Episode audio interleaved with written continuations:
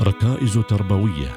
برنامج يركز على أصول التربية العمانية المستمدة من العقيدة الإسلامية ونماذج من القرآن والسنة. مع المرشدة الدينية إيمان المسكرية من دائرة التعليم والإرشاد النسوي بوزارة الأوقاف والشؤون الدينية.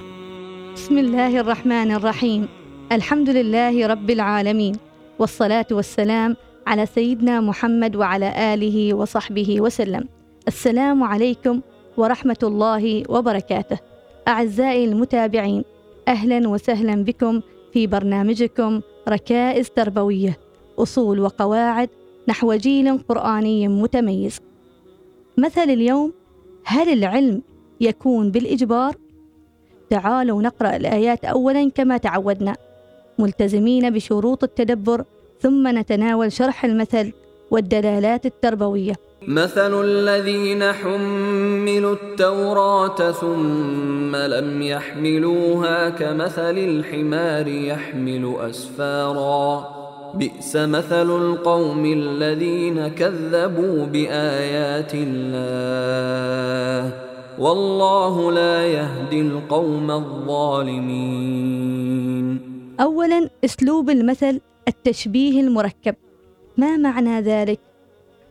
قاس سبحانه من حمله كتابه ليؤمن به ويتدبره ويعمل به ويدعو إليه ثم خالف ذلك ولم يحمله إلا على ظهر قلب فقرأه به بغير تدبر ولا تفهم ولا اتباع له ولا تحكيم له وعمل بموجبه كحمار على ظهره حقيبة أسفار لا يدري ما فيها وحظه منها حملها على ظهره ليس إلا فحظه مثل الذين حملوا التوراة من كتاب الله كحظ هذا الحمار من الكتب التي على ظهره.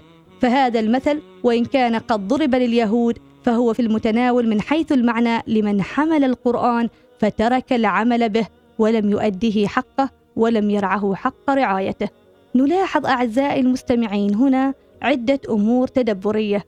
اولا نتأمل قوله تعالى حملوا. فكأنها فرضت عليهم فرضا فضاقوا بتكاليفها فإذا هم عنها معرضون. فالخطاب من وهلته الأولى يشير إلى الكراهية وهي أبلغ صفة تجسدت في اليهود وأظهرها. وذلك إلماع إلى خلق النفور الذي يطبع القوم وإشارة إلى أن الذي يضيق ذرعا بشيء لا يمكن أن يتحمله فهو حامل وكأنه لم يحمل فلا يستفيد من أحماله سوى التعب والشقاء. كذلك الذي ليس له من صيامه إلا الجوع والعطش. وفي الخطاب أعزائي المستمعين تلميح إلى طبائع الأمور وقضايا النفس البشرية التي إذا كرهت من أمر لا تستطيع تفهمه ولا الاستضاءة به لأن الحب هو السبب الموجد للإقبال النفسي على الأشياء حتى يبلغ فيها المحب مبلغا كبيرا وشانا عظيما. أما الكراهية فبمنزلة غلق الأبواب عن الاستجابة لأي طارق وهي نوع من أنواع الإطفاء للأنوار التي تحاول التسرب إلى المكان المظلم.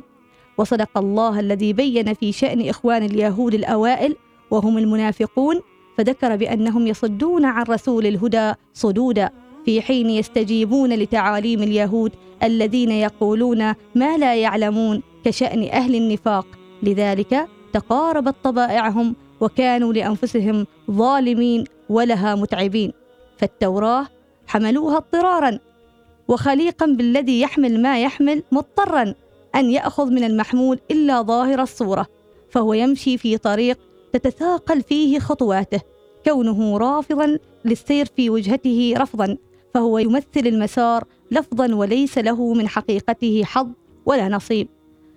فالخطاب القرآني مبدئيا يختار التعليل لحملهم كتب الهداية مع عدم الانتفاع بها فيقوم أولا بتشخيص العلة ثم يعطي بيانا عن مثالها المناسب.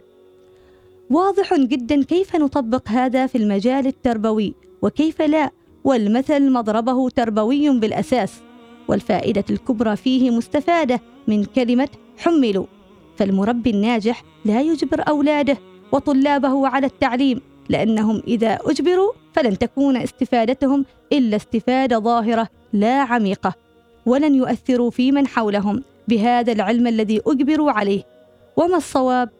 الصواب أعزائي المستمعين تحبيبهم إلى العلم وتحبيب العلم إليهم حتى إذا حملوه وهم يحبونه كانوا أقدر على القيام بتكاليفه وبالتالي على الاستفادة الكاملة منه وإفادة الناس ونفعهم. ثانيا كان يمكن أن يقول الله تعالى كمثل الحصان يحمل أسفارا لأن كل من الحصان والحمار سواء في كونهما يحملان الكتب دون أن ينتفع بها أحداهما لكن التعبير الإلهي اختار لفظة الحمار لمناسبة الحال للمعنى إذ الكراهية التي ذكرها تلميحا عن اليهود يوافقها ذكر الحمار لأنه معروف بكراهيته وغشه فالقوم يضاهونه في ذلك بل يفوقونه بمراحل.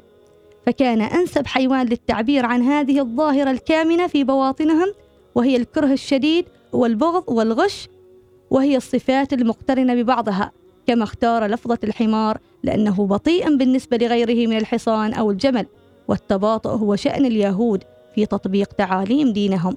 وذلك عين الأثر الناتج عن الكراهية لأن من أحب شيئا كان خفيفا إليه نشيطا لبلوغه.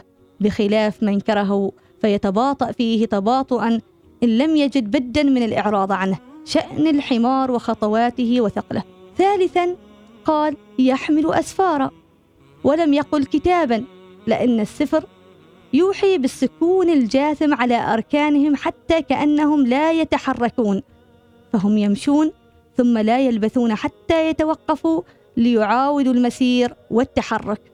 وذلك ما تجده في توسط السكون للحركات في كلمة سفر بخلاف الكتب التي تتوالى حركة حروفها جميعا بلا توقف.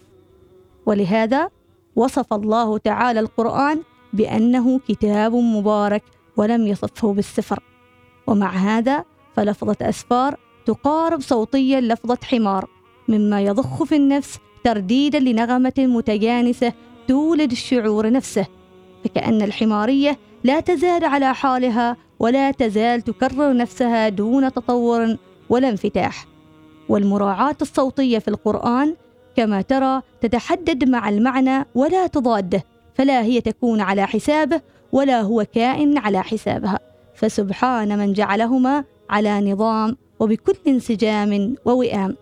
ولهذا كان بين لفظي الأسفار والحمار مناسبة لفظية لا توجد في الغير من الحيوانات فيكون ذكره أولى أما الأسفار فجاءت نكرة حتى تفيد مطلق السفر الذي لا يرقى أحيانا إلى حد كتاب كما هو حال سفريات اليهود بما يبنى عن عدم استفادتهم من أي سفر مهما كان حتى ولو قل ما فيه من الهداية والمعلومات وحتى لو كان ما يحتويه منها نزر يسير كمية سهل ميسور النوعية لا كثرة فيه ولا صعوبة تعتريه أعزائي المستمعين فلنحذر ونحن نعلم أولادنا من هذه الطريقة في التعليم وأخذ العلم حيث لا ينال صاحبها إلا إقامة الحجة عليه أمام الله وأتصور هنا أن المربي الذي علم أولاده بهذه الطريقة سيقف نادما يوم القيامة ويصرخ يا ليتني لم أعلمهم بالأساس حتى لا تقام عليهم الحجة.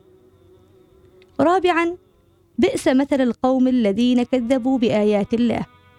وهل في المثل الحمار يحمل أسفارا؟ إشارة إلى التكذيب؟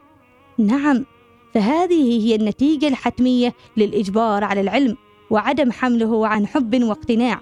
في النهاية تصير إلى التكذيب بآيات الله كما حدث من اليهود.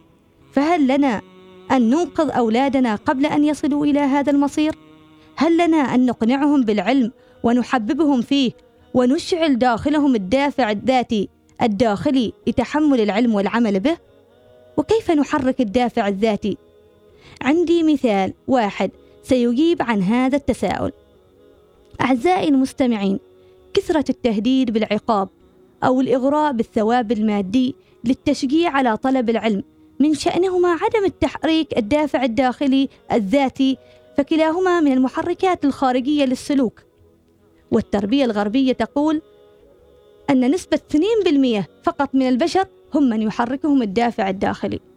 أما التربية القرآنية كما نرى تدعو جميع المسلمين أن يحركهم الدافع الداخلي. يشجع الوالدان أولادهما على طلب العلم وغيره من الفضائل عن طريق تبيان أجره وثوابه عند الله تعالى. ليس فقط تشجع أولادكم على آه على شيء معين بهدايا أو أمور مادية. بينوا لهم الأجر والثواب الذي سوف يحصلونه من عند الله إذا فعلوا هذا الأمر. خامسا والله لا يهدي القوم الظالمين. الظالم هو الذي عدل عن الحق قاصدا متعمدا ووضع الشيء في غير موضعه عامدا.